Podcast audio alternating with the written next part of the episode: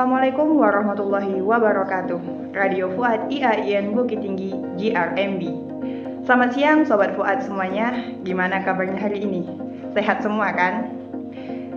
Kepada semua sobat yang sedang beraktivitas, jangan lupa untuk tetap patuhi protokol kesehatan. Karena kesehatan itu penting, yang nggak penting itu kamu di mata dia. Harapan kita semua semoga pandemi ini cepat berlalu sehingga kita bisa beraktivitas seperti biasanya.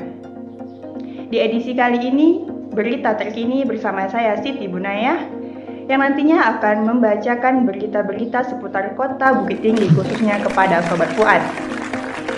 Dan tentunya akan diselingi oleh lagu-lagu dari dalam maupun luar negeri. Dan tentunya saya akan menemani Sobat Fuad semuanya dalam beberapa waktu ke depan. Jadi Sobat Fuad, stay tune dan jangan sampai ketinggalan informasi.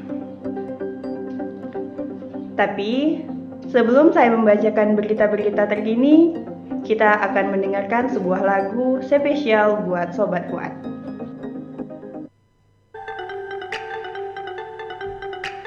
seputar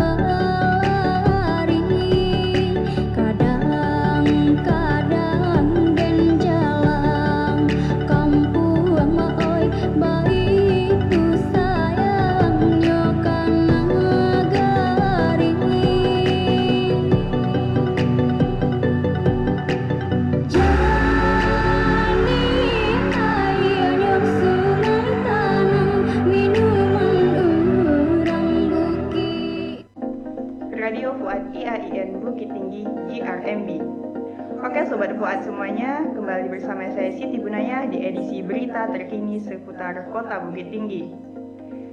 Berita yang kami sampaikan kami ambil dari website Berita Kota Bukit Tinggi.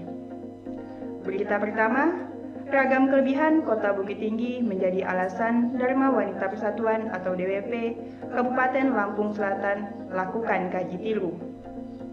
Berbagai kelebihan dari ciri khas Kota Bukit Tinggi senantiasa menjadi daya tarik Hal tersebut diungkapkan oleh penasehat Dharma Wanita Persatuan atau DWP Kabupaten Lampung Selatan, Nyonya Hajah Winarti Nanang Ermanto, ketika memimpin rombongan DWP Kabupaten Lampung Selatan melakukan kunjungan kaji tilu ke DWP Kota Bukit Tinggi, Rabu 17 November 2021. Rombongan DWP Kabupaten Lampung Selatan diterima oleh Ketua DWP Kota Bukit Tinggi Nyonya Eva Mari Sawanto beserta pengurus DWP Kota Bukit Tinggi di pendopo Rumah Dinas Wali Kota Bukit Tinggi.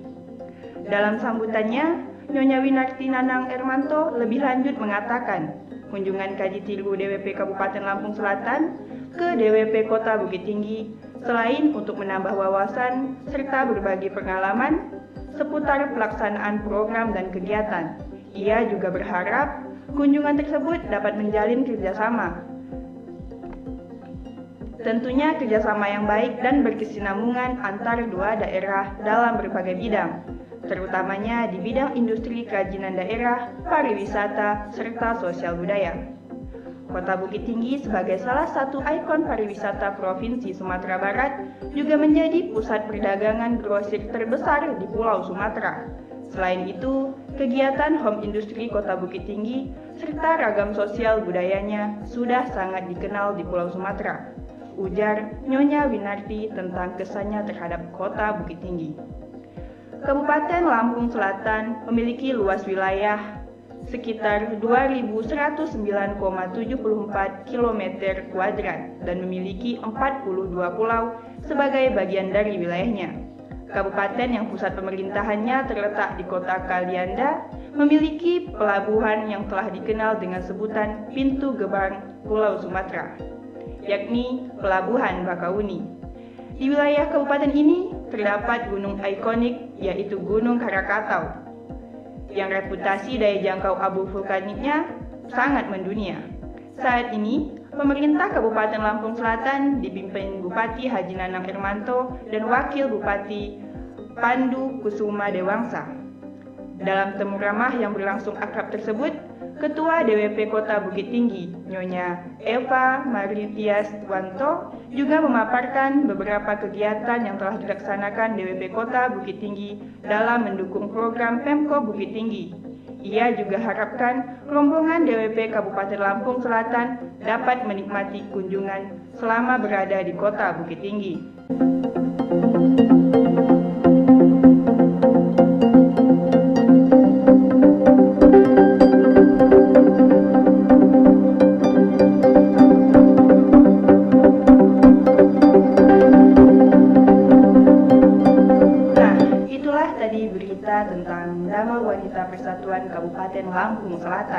Yang melakukan kaji tiru pada kelebihan kota Bukit Tinggi.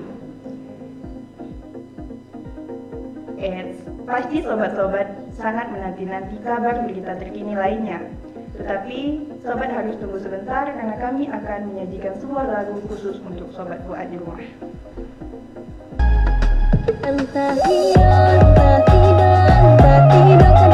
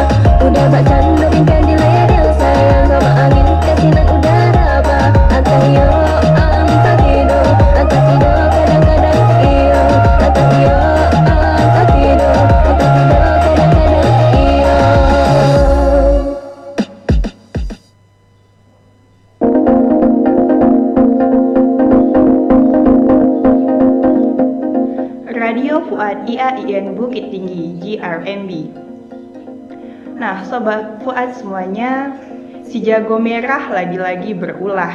Itulah yang baru saja kita dengar kabar-kabar terkini tentang kota Bukit Tinggi, yaitu kebakaran yang terjadi di pasar bawah. Tapi, gimana sih detail kebakaran ini? Tenang saja karena saya akan menyampaikan secara detail mengenai kebakaran di pasar bawah. Dari beberapa catatan Sobat Fuad, pasar bawah kota Bukit Tinggi diketahui merupakan lokasi bersejarah karena dibangun sejak zaman kolonial Belanda. Pengerjaannya disebut menggunakan tenaga pekerja paksa atau romusa. Di mana berita ini dikutip dari Antara News dan pada kali ini merupakan ketiga kalinya pasar bawah Bukit Tinggi mengalami kebakaran. Dilansir dari suara.com, kebakaran pasar bawah di kota Bukit Tinggi yang terjadi pada Rabu 24 November 2021 dini hari sekitar pukul 00.45 waktu Indonesia Barat diduga sengaja dilakukan oleh orang tak dikenal berhasil diamankan pihak kepolisian di daerah setempat.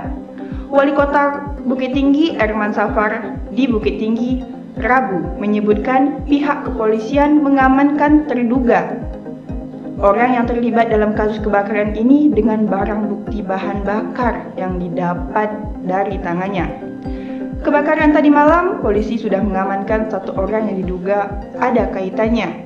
Masih diduga, juga diamankan BBM jenis pertalit dan minyak tanah. Perkembangannya akan disampaikan, kata beliau. Wako mengatakan kekecewaannya dan mengutuk atas tindakan tidak terpuji yang dilakukan jika benar pasar bawah sengaja dibakar. Sangat kecewa dan mengutuk atas aksi sangat kecewa dan mengutuk atas aksi pembakaran yang disengaja jika nanti terbukti korban adalah saudara-saudara kita yang berdagang untuk bertahan hidup sehari-hari. Memang sobat kuat semuanya di masa sulit seperti ini rasanya tidak etis jika kita dengan sengaja melakukan pembakaran kepada pihak-pihak yang sedang berjuang untuk bertahan hidup.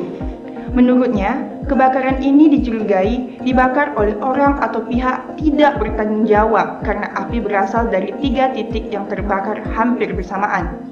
Kami sudah beruntun. Kita akan lakukan strategi baru mengamankan pasar di Bukit Tinggi harus ada langkah antisipasi musibah ini baik karena kelalaian ataupun pihak tidak bertanggung jawab, kata Wako. Wako juga menyampaikan duka mendalam atas musibah yang terjadi dan bersamaan memberikan bantuan kepada pedagang yang mengalami musibah di air Tajung Kang sebelumnya.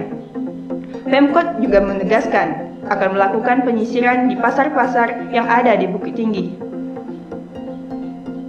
untuk mengantisipasi kegiatan di luar perdagangan untuk meminimalkan potensi kebakaran dan hal lain.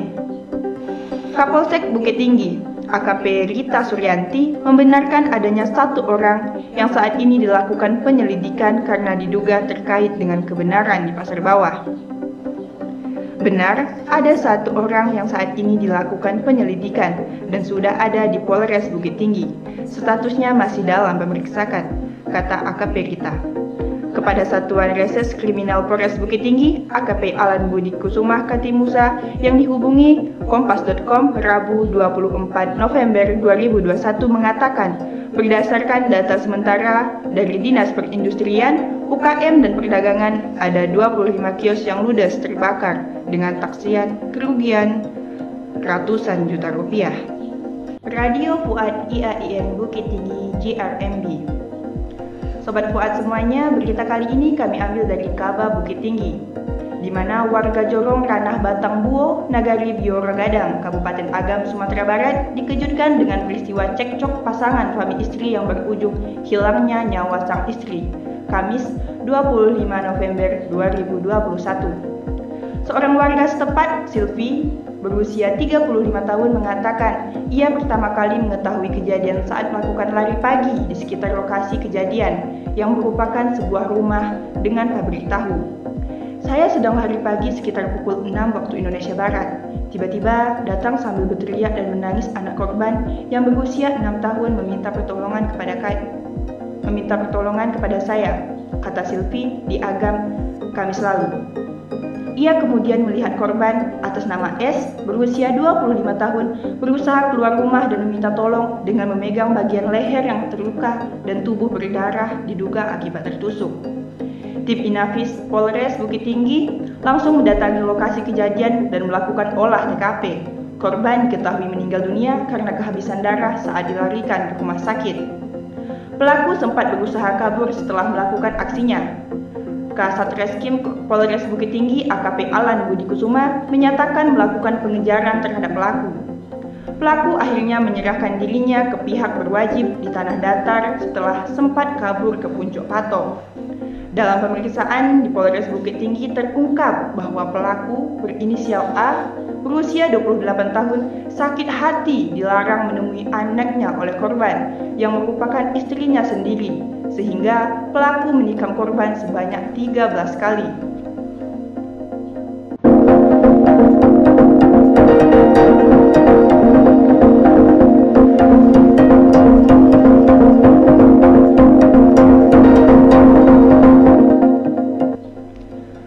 Penusukan tersebut dilakukan dengan tiga buah pisau. Ia menyebut sebelumnya juga sudah memiliki masalah keluarga dengan korban berinisial S 25 tahun tersebut.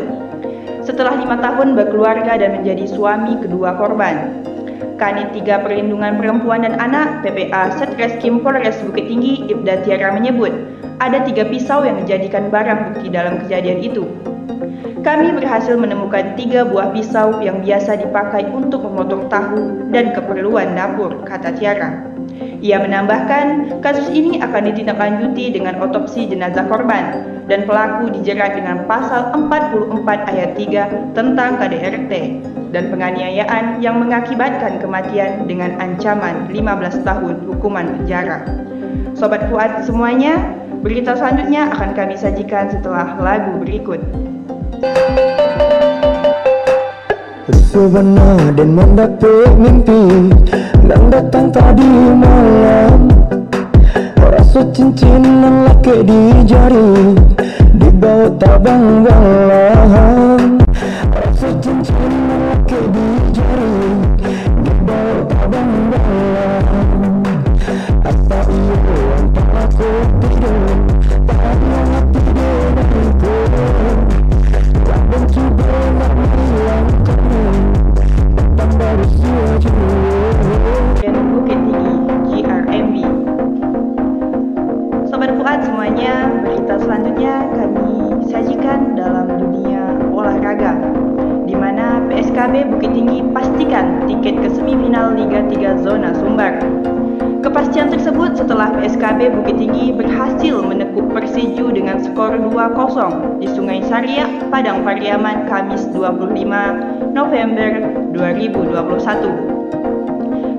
2021. PSKB Bukit Tinggi berada di posisi runner-up grup E dengan Batang Anai FC sebagai juara grup.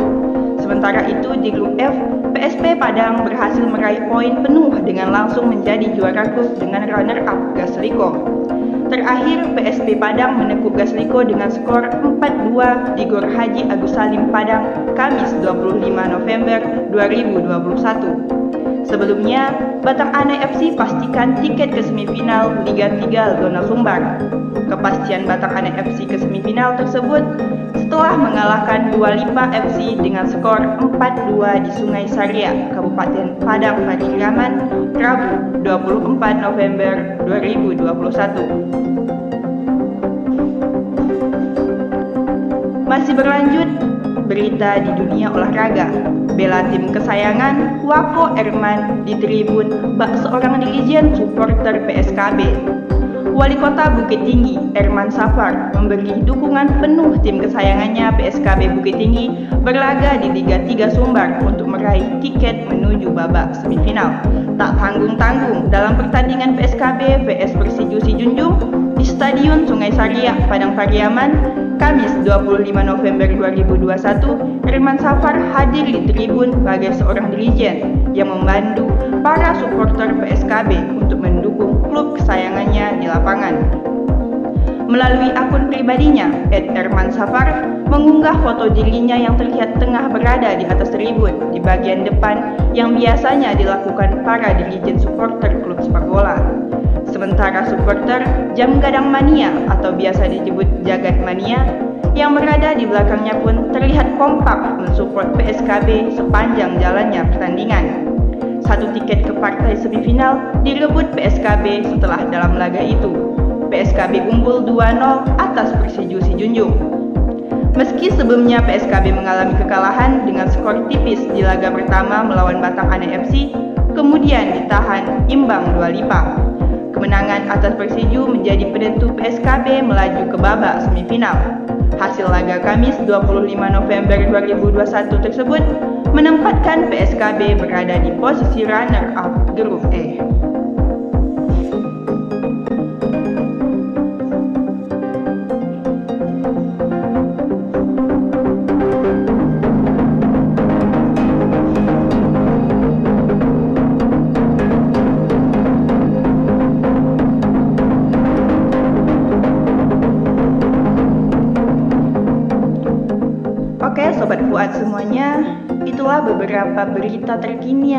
yang kami sajikan pada edisi Berita Terkini Jumat 26 November 2021. Saya Siti Bunayah yang sudah membacakan berita tersebut sepertinya sudah kelelahan.